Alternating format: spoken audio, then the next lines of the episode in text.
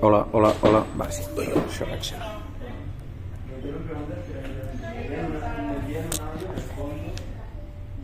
Dins la nit, els meus anys han cridat i em desperten. Semblen ocells perduts. Soc d'ells i no em coneixen. Són meus i van errants perquè no em pugui entendre quan cerco en el meu cor que m'ha fet gran i feble. Què hi dius tu, pur infant que encara et meravelles de sobte, amb brus d'elit, pels ulls, per on vas créixer, i de qui guardo, amb corn profund, les orelletes tan fines a escoltar les tendres veus que vencen. Què hi respondries tu, infant que jo vaig ésser? Tu eres simplement tu que no pots comprendre que el cor sigui pesant i les coses esquerpes i el somni tingui risc i tot amor tristesa. Per ignorar-ho, jo, i que uns minuts la teva aventura elemental revisqui en mi de sempre, cal que et cedeixi a tu i que ho pagui creient-me i, sen i sentint-me dir foll, foll que no mira enrere. Qui somriurà dels dos? El vell que no preveies futur de tu, o infant, o tu, font d'innocència? Sol ser que miro el riu al llarg de la ribera i sempre sóc el punt on l'aigua fa el seu pur començament de perdre's. Amb aquest poema de Carles Riba comencem el nou capítol de Mentri Mentres eh, que ens ocupa avui, amb, que compartirem amb Xema Martínez, que acaba de publicar a l'editorial Pretextos Camí a Milmanda. Eh, què tal, Xema, com estàs? Molt bé, moltes gràcies. Aquí estem. Um, hem volgut començar el, el programa amb, amb aquest poema del Carles Riba perquè ens semblava que donava una mica el to d'aquest llibre que has, que has escrit i que, i que ens ha agradat molt, ho hem de dir, és un llibre que, que recomanem molt i ara intentarem explicar a veure algunes de, de les raons per les quals en recomanem la, la lectura.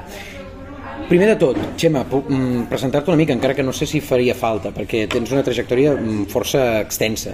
Has publicat crec que amb aquest és el vuitè, novè llibre de poesia. He perdut el compte. Ah, sí, setè, vuitè, no sé. N'hi ha forces, no? Hores baixes, temps impersonal, ulls d'ombra, la nit sense salva, sentit, l'arrel i la... Pluja. Pluja eh, del 2008, llavors el Dol del 2012, l'últim abans de Camí de Milmanda, eh, Maria, que va guanyar els Jocs Florals l'any 2020, sí. els Jocs Florals de Barcelona, uh mhm. -huh. i finalment aquest Camí a Milmanda a l'editorial Pretextos, que alguns ens ha sorprès que tingui um, una col·lecció en català de poesia. De fet, ara em comentaves que eres, eres tan just el, el segon llibre d'aquesta col·lecció, no? Sí, sí, eh, de tota manera és una editorial valenciana que jo fa molts anys que hi tinc, que hi tinc relació perquè conec els, conec els editors i hem tingut projectes comuns també. I havia publicat algun poema també allí en alguna antologia. És a dir perdó.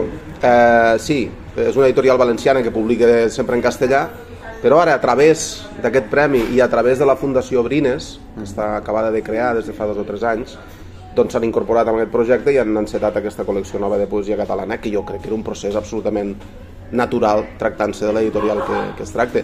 A més a més pensem també que Pretextos fa molts anys que, com ho diria, anava a dir defensa la poesia catalana, no, no sé si és la paraula defensar, perquè mm. si la vol defensar l'ha de publicar directament, no? Sí, clar, però el que sí que ha fet és difondre-la moltíssim a Espanya i també a, a Llatinoamèrica, perquè Pretextos té molta presència allà, mm. eh, d'autors catalans traduïts, eh? molts, jo què sé, doncs el Pere Rovira, el Jaume Pont, eh, l'Enric Sòria, per exemple, té una antologia fantàstica, Pretextos, traduïda per Carlos Marzal, és a dir, ja és una editorial que té molta relació amb Catalunya i ara ha fet aquest pas de, doncs, de relacionar-se amb la Fundació Brines i treure aquesta, aquesta col·lecció, que crec que és una idea fantàstica, no? Perquè no pot haver un llibre de poesia catalana a Ciutat de Mèxic. Absolutament, sí, sí, tant i tant. No? Uh, de fet, és una cosa que ara feia poc eh, veia un tuit que esmentava que Basso Roto, em sembla que era Basso Roto, no em vull equivocar, eh, publicava De Creació, que és el llibre aquell de l'Ann Carson, que és en català, mm -hmm. i és una editorial sí. que mm, jo, per exemple, no li havia vist cap llibre en català. Diria que és el primer, si no estic molt despistat, um, i jo, jo ho celebro, mm, perquè és, és com bé dius tu, no? Vull dir, per defensar la poesia catalana mm, deixem-nos dels i publiquem-la no? i llegim-la no? jo crec que sí que arriba un moment i t'ho dic amb, amb el cor que s'han de trencar una sèrie de barreres o de tabús o de clitxers que hem tingut des de sempre, de, de, les, de les dues bandes. I ara no vull anar amb el lliri a la mà, eh? no, no, no estic dient això, però que, que editorials castellanes han començat a publicar directament en català i a fer negoci aquí, doncs no ens hem de posar les mans al cap, doncs que ho facin, perquè no? Tot el que sigui promocionar i donar espai a la literatura catalana, ostres, endavant.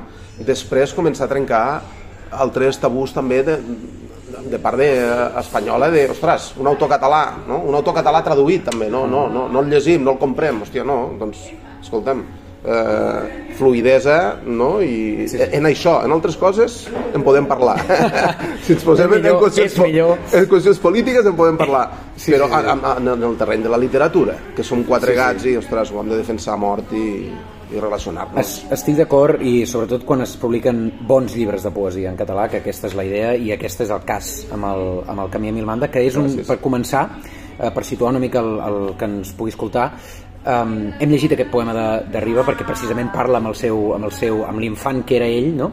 I, i és un poema on, on els records, es, eh, els records i el present s'entreteixeixen, no?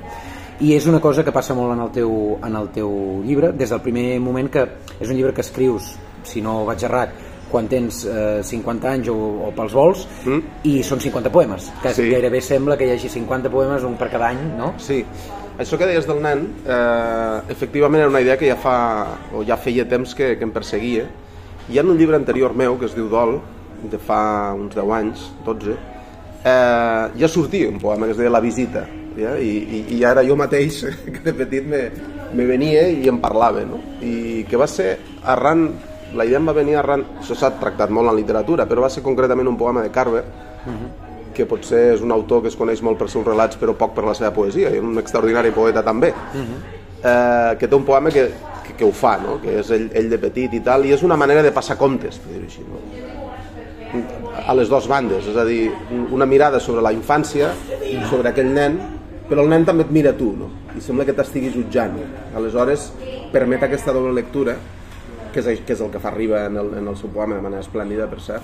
Mm -hmm. I, I en aquest llibre doncs, la idea va insistir i, i efectivament va acabar, va acabar sortint, sí, sí. I això que des del 50, sí.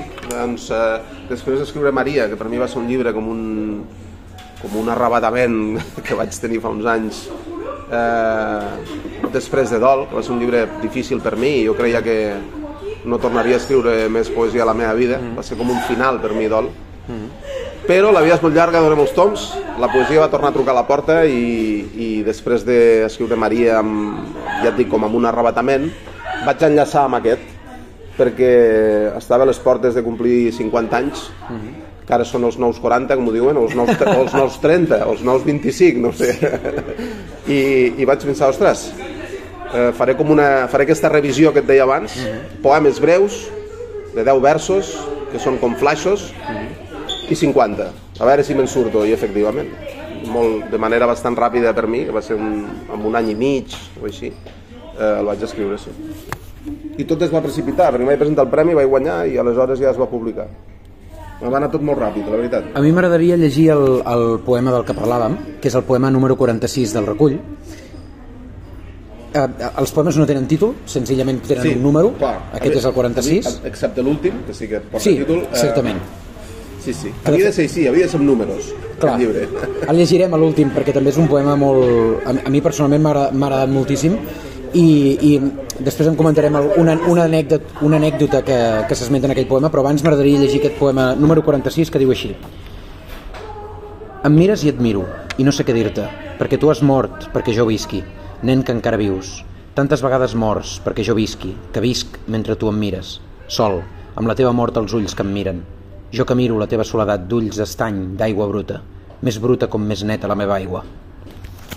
Aquest poema, a banda d'això que par parlàvem, no? de parlar amb el nen i, i tenia, complir amb aquest toc general del llibre, que és una, un, això que parlàvem, no? o sigui, una memòria que va erupcionant en el present sense, sí. sense aturall. Mm. Alhora també hi ha algunes coses que es van veient en els teus poemes. No? Jugues molt amb el tema de la repetició, amb repetir determinades paraules, determinats verbs, per fer com una mena de, de sedimentació del poema, no? o una mena de convulsió fins a cert punt. En determinats sembla més convulsió, en altres senzillament jugues més amb, amb potser la vocació, no sé com... Sí, és a dir, per mi eh, eh en aquest llibre era vital la, com t'ho diria, la melodia, eh? mm. la, la música del, del poema. Ja, això estava molt present en el meu llibre anterior, el que passa és que eh, eh, en Maria sí que vaig intentar fer una cosa nova, que jo en poesia catalana gairebé no la trobo a la tradició, que és eh, la, una mena de poesia, com tu diria, mística, uh mhm. -huh. en el sentit més ampli del, del terme, no? És a dir, és un llibre, Maria és un llibre amorós, uh mhm. -huh. eh, però que no parla ben bé de com t'estimo i com m'estimes i com tal, sinó fa una reflexió que transcendeix l'amor i es converteix en una, no sé, visió del món no? i comprensió nova del món. No? Mm.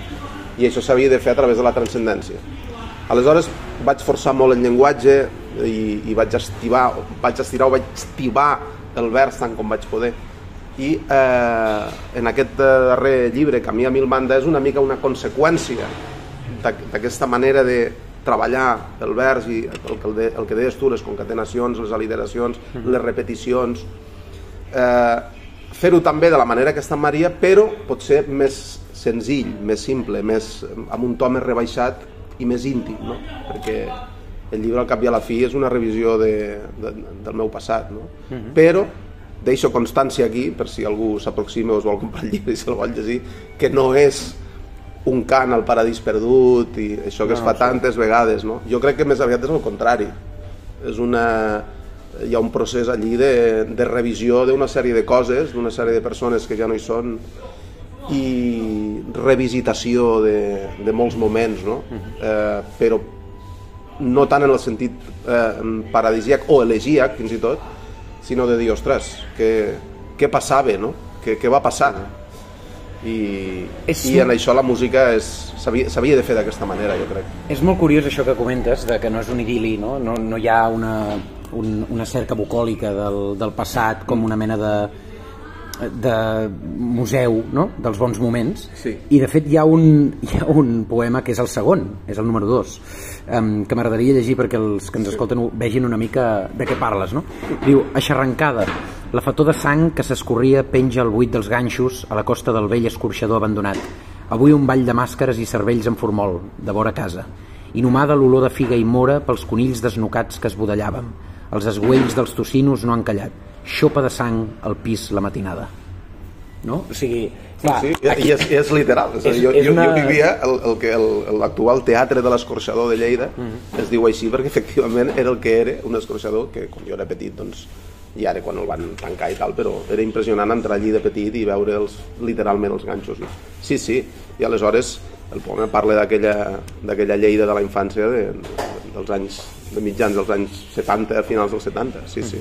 Amb el toc de color aquell al final que sí. evoques la, com la sang entrant en forma de llum en el, en el pis Clar, i és, perquè i és la sang el, és la memòria és, és la memòria i és aquesta, és aquesta memòria que d'alguna manera torna, no? O sigui, aquesta, amb, amb, torna el, amb el color de sang en el present, no? És, és com un... és com molt, molt divertit des del... com a lector de poesia, ja no com a entrevistador, com com a lector de poesia et dic que és molt divertit anar resseguint les maneres com fas que el passat es trobi amb el present i el present amb el passat. Hi ha coses molt, molt curioses en aquest llibre. Hi ha, per exemple, un, a vegades la sensació de que eh, hi ha eh, un, la veu del, dels poemes va com a espiar no? el, el, això, el, el, el nen d'abans o hi ha un poema que si ara el trobo que no, no voldria equivocar-me mm, mm. Sí, sí. Ah, mira, aquest, exacte, perdona, eh?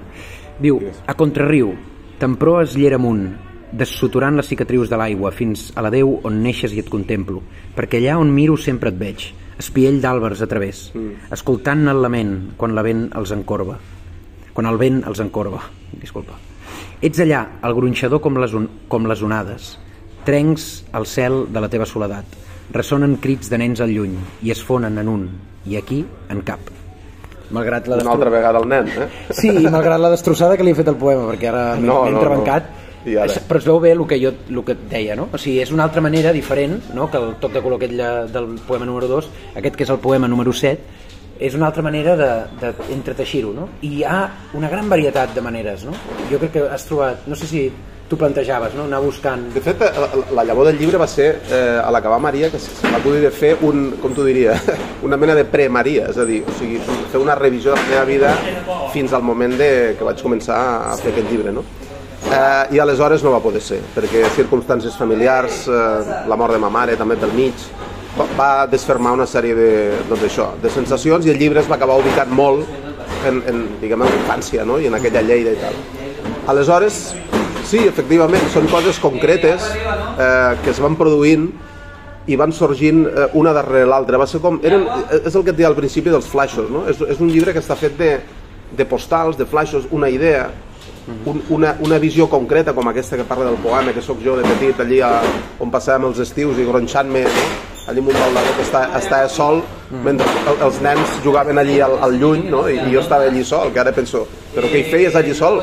per què no vas a jugar amb els nens Sí. no? i tu Sí, passes sí. bé que finalment ho vaig acabar fent però aquesta, aquesta mena de, de revisió de moments que potser estaven tot, a tots ens passa, no? és a dir, moments que estan enterrats i que de sobte comencen a sorgir una idea et porta una altra, una olor un, un, un, un, un record que s'havia perdut i que de sobte et, et sobreveu una altra vegada a través de circumstàncies actuals no? I, i aleshores vas decidir doncs, eh, tenir també el coratge, jo crec que s'ha de tenir també el coratge d'afrontar aquestes coses i escriure-les. Al cap i a la fi, no sé, és a dir, si jo sóc poeta, què he de fer? Doncs eh, he de fer poemes, no? I, i de les meves circumstàncies, doncs, eh, escriure el, el que bonament pugui.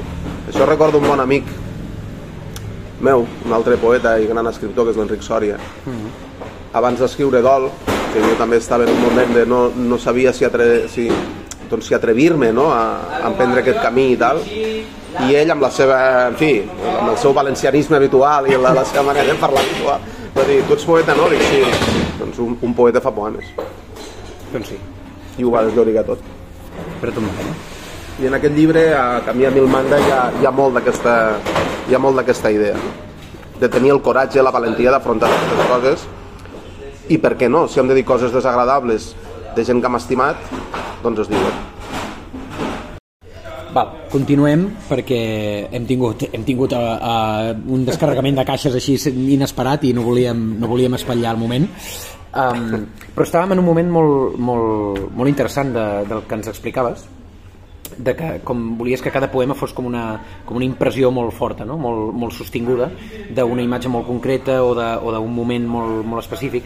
Sí, Ah, així, així, és a dir, els poemes no són, per dir-ho així, una elaboració o una imatge que es va transformant o una idea eh, que, que es va... No, no, simplement és com un, no sé, com una imatge, com un flash, com un cop de puny, no? Fins i tot a vegades dius, ostres, i ja està, perquè són poemes relativament breus, ja et dic, la majoria tenen 10 versos, alguns 9 tenen una mica de trampa, però que és això. O sigui, no, la, la idea del, del, del poema i del llibre és aquest, perquè a més a més jo sóc persona de, de llibres, no de, no de poemes, vull dir que no escric habitualment poemes, sinó que me plantejo fer un llibre, busco una mica el to, mmm, penso què vull fer, d'on parteixo i fins on vull anar. I aleshores l'acabo i ja està, que aquest llibre està acabat. Sí, sí. Clar. Hi ha, un, hi ha una voluntat programàtica que, que es nota de seguida que et poses a llegir el llibre, no? Quan has llegit tres o quatre poemes ja t'adones que allò és una cohesió um, que tindrà continuïtat i de fet la té i sí que és veritat que els poemes són uh, entre, di- dins d'un límit, diguem-ne, són molt diferents entre ells eh, en el sentit de que és el que et deia, hi ha un joc continu en el qual tu vas eh, intercalant algunes de les coses que fas servir en alguns poemes no els fas servir en altres i al final hi ha una diversitat interior al llibre però sí que és veritat que de, de fora està cosinat no? A mi això, com, com a lector de poesia, m'encanten els llibres tancats. Sí, sí. Uns llibres que, eh, que et cauen allò com un, saps? com un bloc de ciment i fan bom a sobre de la taula i dius, uau. I a més a més, quan tens el conjunt al cap, això et permet eh, un joc que potser si fas poemes esparsos, no? o vas fent de tant en tant i tal, eh, no ho pots fer, que és interrelacionar-los, tenir-los al cap fer reiteracions, un vers te porta a un poema anterior, però fer-ho conscientment, evidentment, no? Aleshores, tens que els poemes eh, sols, únics, funcionen, perquè han de funcionar, evidentment, però també el conjunt te dona un discurs afegit que és, pot ser subterrani o pot ser o, o per sobre, no? que te dona una transcendència amb punts comuns del llibre, no? Eh, i en aquest llibre eh, això està molt, molt present, sí. Jo crec que això, clar, dit, és veritat que jo hi estic d'acord, vull dir, el, a mi els, els llibres de poemes, més que els reculls de poemes, és, és el que m'interessa amb una idea de fons i una, una, un desenvolupament mm. formal d'aquesta idea, però clar, el tema és després cal tenir els recursos per fer-ho no? I, per, i per, fer els, per fer els poemes i que no siguin eh, que, en fi, que aquesta idea no s'acabi menjant el, la diversió de, de la vols lectura. dir, vols dir l'ofici? Parles de l'ofici. Clar, clar, és, que, no, no, però t'ho dic en el sentit que per exemple, clar, jo he vist, jo he vist molts, una, una gran varietat de recursos en aquest llibre. Jo crec que um, els que són lectors habituals de poesia el disfrutaran molt. També els que no ho són, perquè així com hi ha parts que poder són una mica més líriques, hi ha poemes que són eh, gairebé sincopats amb una sintaxi en la que desapareixen preposicions, verbs i és tot com molt, molt nestacato, no? I en canvi hi ha, hi ha, hi ha altres que de sobte tenen unes imatges ultra grotesques, en canvi n'hi ha altres que sí que són una mica més, més delicats, no? Hi ha, com un, hi ha com un ritme intern en el que vas ondulant, no? No, no, no hi ha realment una, un abassegament o una saturació per aquesta, per aquesta cohesió que tu li vols donar, sinó que l'aconsegueixes des de la diversitat dels propis poemes. No? Sí, a més a més la, el, que el poema sigui tan, tan breu, bé, bé tampoc tant, o sigui, perquè clar, ja sabem que un haiku doncs, hi cap un món, no? Sí, sí, clar. Doncs, però de tota manera que siguin 9 o 10 versos i moltes vegades no arriba al, doncs, a l'octosíl·lab o, és a dir, són, són versos que poden ser també relativament curts uh -huh. clar, això també te dona, te dona molt joc perquè és el que te deia abans de l'acumulació a vegades llegeixes dos o tres poemes i dius ai, a vegades quan els feia pensava ostres, aquí podries tirar més el fil no? però uh -huh. no, ja està, ja està bé això que deies tu de l'estacato, que està molt ben, sí. molt ben trobat doncs eh, efectivament no? però clar, si aleshores vas llegint el llibre que jo crec que el llibre, almenys és la meva idea es pot llegir doncs els 50 poemes de l'1 al 50, mm. com si fos una novel·la, perquè realment hi ha un relat i, i veus que hi ha una sèrie d'idees que es van repetint però que van, van evolucionant i el discurs a la, a la part final del llibre s'obre, perquè sóc conscient que és un llibre bastant fosc, però tota la part final del llibre sí que és més, per dir-ho bàsicament així, tot més lluminós o, més, o, mm -hmm. més, o, o surt la idea de l'esperança no? mm -hmm. però fet a poc a poc doncs donant aquestes dosis petitetes de manera que tu quan surts del llibre sí que tens la sensació, jo crec, com a lector, de d'estar saciat, no és una cosa... Sí, sí. Sí, sí, estic, jo personalment estic d'acord i encara hi afegiria una altra cosa perquè ara, ara parlaves dels octosíl·labs, no? Eh, és, és una cosa que estàvem comentant abans i que a mi m'agradaria comentar perquè crec que val la pena um, hi ha, hi ha una mètrica complexa en el teu llibre en el sentit que hi ha poemes que tenen eh, versos de diferents eh, diguem de diferent, diferents versos hi ha mm. eh, octosíl·labs, decasíl·labs, alexandrins eh, en un mateix eh, poema hi han poemes que no, hi ha poemes que són doncs, tot decasíl·labs per exemple, etc. però sempre són versos hi ha com un treball de la, de la mètrica accentual i, del, i del, de la forma molt conscient i m'agradaria que ens expliquessis com, com et planteges tu això, no? com et planteges el tema, perquè és un tema que en poesia sí, ja saps això... que Sí, sí, sí, molt, molt, molt, molt. I ara, uf, qualsevol cosa que puguis dir podria ser esquarterat per molts dels meus col·legues o companys del gremi o companys de viatge, no? Sí, sí, això és un tema molt llarg, perquè clar, tot dependria de què entenem per vers perquè tu dius, està fet de versos però clar, mm, molta gent diria però clar, un vers què és? Un vers pot ser una síl·laba o pot ser, de fet ho és i ho pot ser però ja entenc el que vols dir, sí, sí. Per mi això, també com a lector, és de les primeres coses que miro. És a dir, venim d'on venim, la història està allà, no la podem evitar, i aleshores la poesia té uns codis, no? I té uns, en fi, eh, un llenguatge determinat. Aquest llenguatge el pots abraçar, el pots modificar, el pots trencar completament, però sempre has de partir de. Això és evident. Has de llegir, has de saber d'on vens i què vols fer i què vols aportar tu amb aquest gran riu, per dir-ho així, no? de, de la poesia. I aleshores, quan veus gent que el que fa és no intentar trencar o, o intentar innovar, innovar, sinó simplement agafar el que hi ha allà, transformar-ho, crear una veu pròpia i a més a més fer-ho des de, des de és difícil de dir, des de, cony, des de la bellesa, hòstia, diguem-ho clar, sí, sí. des de la bellesa, és a dir, fer, bellesa amb, amb, alta, mm -hmm. o sigui, fer-ho bé, fer, crear una cosa que sigui bonica, no?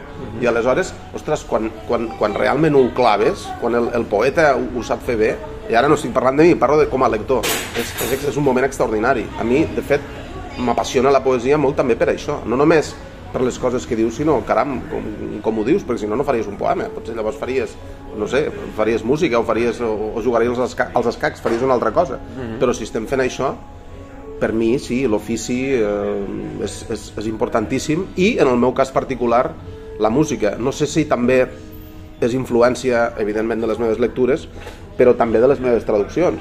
perquè clar, jo he traduït Shakespeare i, i Poe, i clar, doncs allà i els he traduït amb rima consonant i amb els seus accents tots posats al seu lloc i aleshores jo crec que ha arribat un moment que ho porto tan interioritzat que em surt ja quan escric una mica al natural, tot i que a vegades defujo una mica també això, no? perquè tampoc hem d'estar sempre en el mateix terreny, no? sempre hem d'intentar fer coses noves i no repetir-nos, és una cosa que també detesto dels poetes, que sempre, també hi ha poetes que treuen un llibre cada any o cada dos anys i, és, i no fan poemes, fan botifarrons, o sigui, tot és, és la maquinet, que no vol dir que en un moment donat ho facin bé, eh? Uh -huh.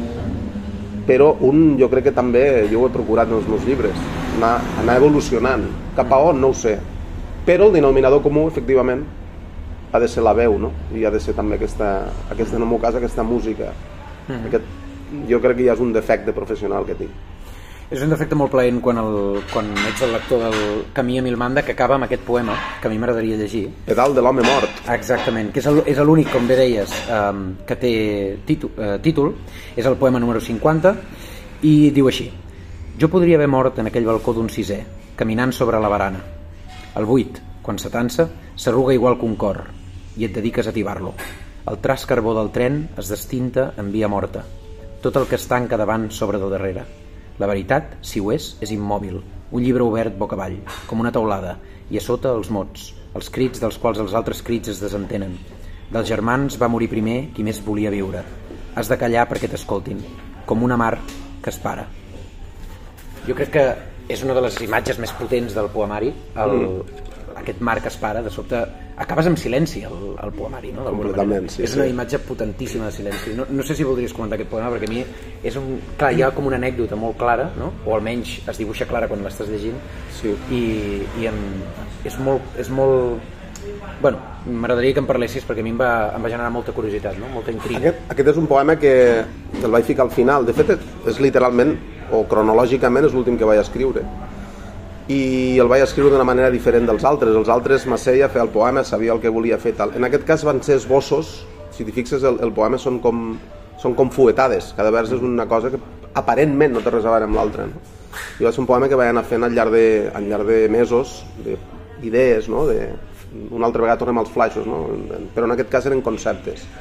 I aleshores, ajuntant-ho, va sortir aquest poema i va veure clarament que seria l'últim, perquè, eh, a més a més, resumeix moltes de les coses que surten el llibre. Un, per exemple, és el silenci, o més que el silenci, potser la falta de so, eh? o la falta sí. de paraules, que és una cosa que en el llibre surt molt, no? en la, aquesta, a vegades aquesta incomprensió que hi ha per falta de diàleg en les relacions humanes i familiars i maternofilials, moltes vegades, mm -hmm. que el llibre parla molt d'això, i també lliga amb el primer poema que parla de l'absència, també és un llibre que parla molt de les absències i en aquest últim cas sí, efectivament és com una, la imatge de la mort no? que, però a la inversa no? és la mar que es, que es para sí, sí. És un, és un llibre on, on, que està poblat d'absències perquè hi ha, hi ha poemes en els que sembla que parles amb, amb, amb diferents persones no? una mare, un, um, no sé, un germà, etc. No? Hi ha com la noció aquesta de, de que el, la gent pot no ser-hi però d'alguna manera no senti i és altrament, no? per dir-ho així. Sí, clar, és, eh, com que parlo molt de les absències i parlo molt d'aquests aquest, silencis que hi havia doncs, en, en, en les relacions o en la vida d'aquestes persones, moltes vegades aquest diàleg s'enceta precisament a partir de la mort d'algú, no? És molt curiós. I aleshores és un diàleg que una vegada l'encetes no s'acaba mai, és inacabable.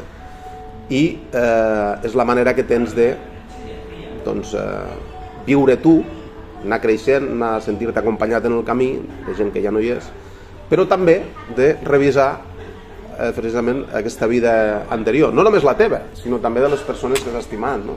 sense jutjar ni, ni, ni, ni entrar en detalls personals, perquè en la poesia jo crec que jo valoro en general la sinceritat, m'agrada que els poetes eh, siguin sincers o almenys que jo crec que, que ho són. No? Per exemple, per això obre el llibre una cita de la Louise Gluck, que és una poeta que a mi des de fa molts anys m'ha apassionat.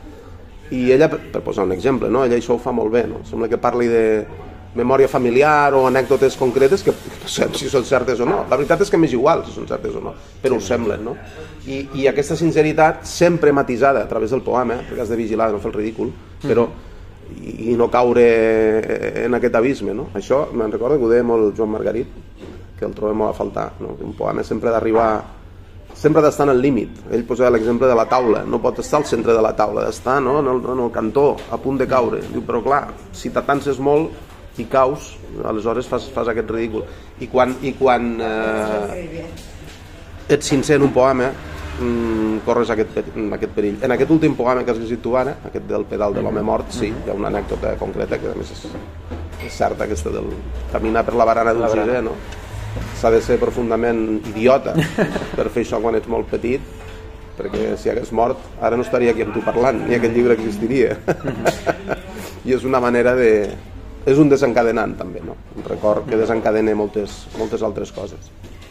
Jo, Xema, per anar acabant, et diria que com a clausura de l'entrevista ens parlessis d'alguns llibres um, de poesia que t'hagin agradat del, de poetes catalans d'avui dia, si és que n'hi ha algun que ara puguis pensar, i si no, uh, llibres de poesia que t'agradin, pots parlar d'algun de la Lluís Gluck, per exemple, o el que sigui, uh, que ens facis un parell de recomanacions, ara que ve la Setmana de la Poesia i que aquest programa, si Déu vol, es publicarà quan ja estigui encetada uh -huh. uh, al Barcelona Poesia d'enguany uh -huh. Um, això, una recomanació i que després tris un poema i, el, i si, si ve de gust ah, sí, el llegeixis I tant, i tant. El, que tu, el que tu vulguis vaja. doncs uh, la veritat és que ara vaig a ser una mica dolent vaig a ser dolent la veritat és que a mi m'agrada estar al dia de, de tot el que es fa dintre de les possibilitats però la veritat és que jo no sé què ha passat després de la pandèmia hi ha hagut un, un boom de, de publicacions i també de publicacions de poesia, editorials més grans, editorials més petites. Uh -huh. Però eh, si realment vos està al dia tot el que es publica, és que no dones l'abast. No, no sí, sí. Però procuro eh, llegir tot el que fa la gent contemporània meva, és a dir, els més grans per descomptat, els mestres s'han de llegir i s'han de reivindicar, trobo que es fa molt poc. Eh, aquest país en això és molt desagradable. Han sortit dos, dos antologies fa poc a proa que haurien d'estar a totes les prestatgeries de Catalunya, una és la del Pere Rovira uh -huh. i, i l'altra és la d'Enric Sòria. Sí, Enric Sòria és una cosa I, i, i, magistral. I ha passat pràcticament, són dos llibres que han passat, eh, el llibre de l'Enric ja fa un parell d'anys, però han passat pràcticament desapercebuts, desapercebuts Bueno, de, uh, de l'Enric encara se'n reconeix molt la prosa, que també és un prosista del, sí, de l'hòstia. és un gran dietarista, sí, sí, sí, La lentitud del mar és un llibre que s'ha de llegir, en fi, hauria d'estar a les escoles, eh? sí, sí, hauria d'estar prescrit. Sí. Doncs llegir els mestres, però també la gent jove, és a dir, tampoc hem de dir, no, escolta, jo ja he publicat, he guanyat tots els premis, he fet tot i ja està. No, no, jo m'interessa saber què fa la gent de 20 anys, de 25 i de 30, només faltaria. Uh mhm. -huh i aquí ve el punt de malícia. No sé si això és eh, recíproc, no, jo no sé fins a quin punt eh, el, molts d'aquests poetes que publiquen i que mouen molt el seu llibre a les xarxes i tenen molta presència, tenen també interès per llegir els mestres mm. o la gent de la meva generació, que també ja fa uns quants anys estem per aquí fent coses amb més o menys encert, amb més o menys qualitat, això cadascú ho sabrà, però almenys tenir la curiositat de fer-ho. I jo crec que això no, jo diria que més aviat brilla per la seva absència. Avui ja ho entenc, que vivim en un món molt líquid, molt caòtic, i ara llegeixo això i ara, i ara allò altre, però ostres, la teva pròpia tradició i la gent que també està escrivint en el mateix moment que tu, s'ha de conèixer i jo predico amb l'exemple. Jo llegeixo, llegeixo tot el que puc.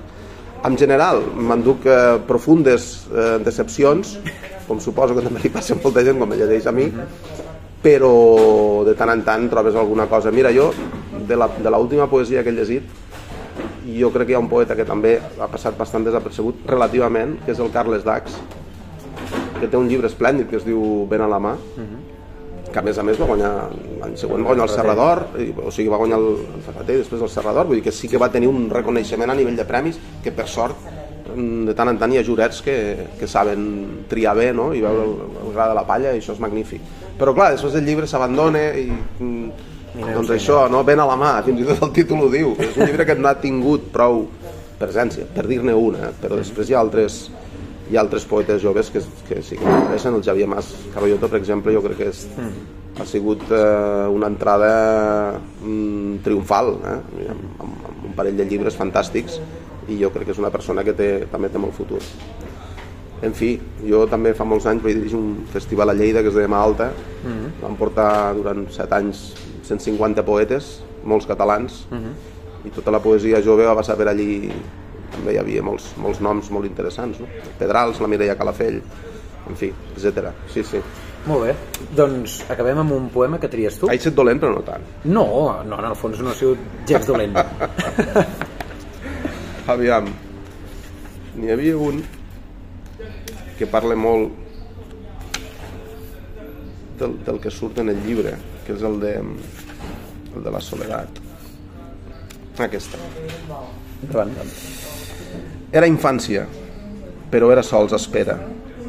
Sol, sota el sol calcari sense moure'm, esperant que les pedres arrenquessin el bull, mentre s'incineraven dins la terra. Els xops estaven quiets, com una flama, i a casa ocells malalts colpejaven els vidres, com si de fora els morts ens els tiressin. Sols, l'àvia i jo esperem a l'hospital que algú l'enterri. Era la infància i no hi havia nit. Uh, Xema, hem començat amb el poema de Riba amb ocells, parlant del passat i parlant el, el, a la infància, i acabem amb un, amb un poema que sense haver-ho planejat també hi surten els ocells i, i també ens ha, ens ha colput segurament a, a, a mi segur i als que ens escolten també. T'haig de donar les gràcies per l'entrevista. A tu, gràcies a tu. Una estona molt agradable i res, espero que, que us hagi servit aquesta entrevista per córrer a llegir Camí a Milmanda, que edita Editorial Pretextos i que, en fi, que és un, és un llibràs i que espero que, que gaudiu molt. Moltes gràcies a tots i ens veiem al proper capítol de Mentri Mentres.